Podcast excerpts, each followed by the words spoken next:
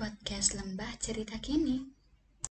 Oke, ini kelanjutan dari episode sebelumnya. Suatu waktu Indrapura kedatangan perahu Melaka yang dipimpin oleh Tun Ratna, Diraja dan Tun Vijasura.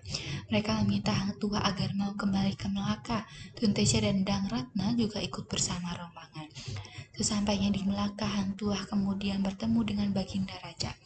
Hang Tua berkata, mohon maaf tuanku, sama ini hamba tinggal di Indrapura. Hamba kembali untuk tetap mengabdi setia kepada Baginda.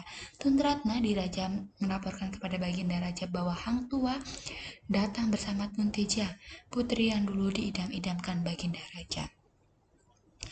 Singkat cerita, Tunteja akhirnya bersedia menjadi istri kedua Baginda Raja meskipun sebenarnya ia menyayangi Hang Tua. Hang Tua kemudian menjabat lagi sebagai Laksamana Melaka yang sangat setia dan disayang Raja.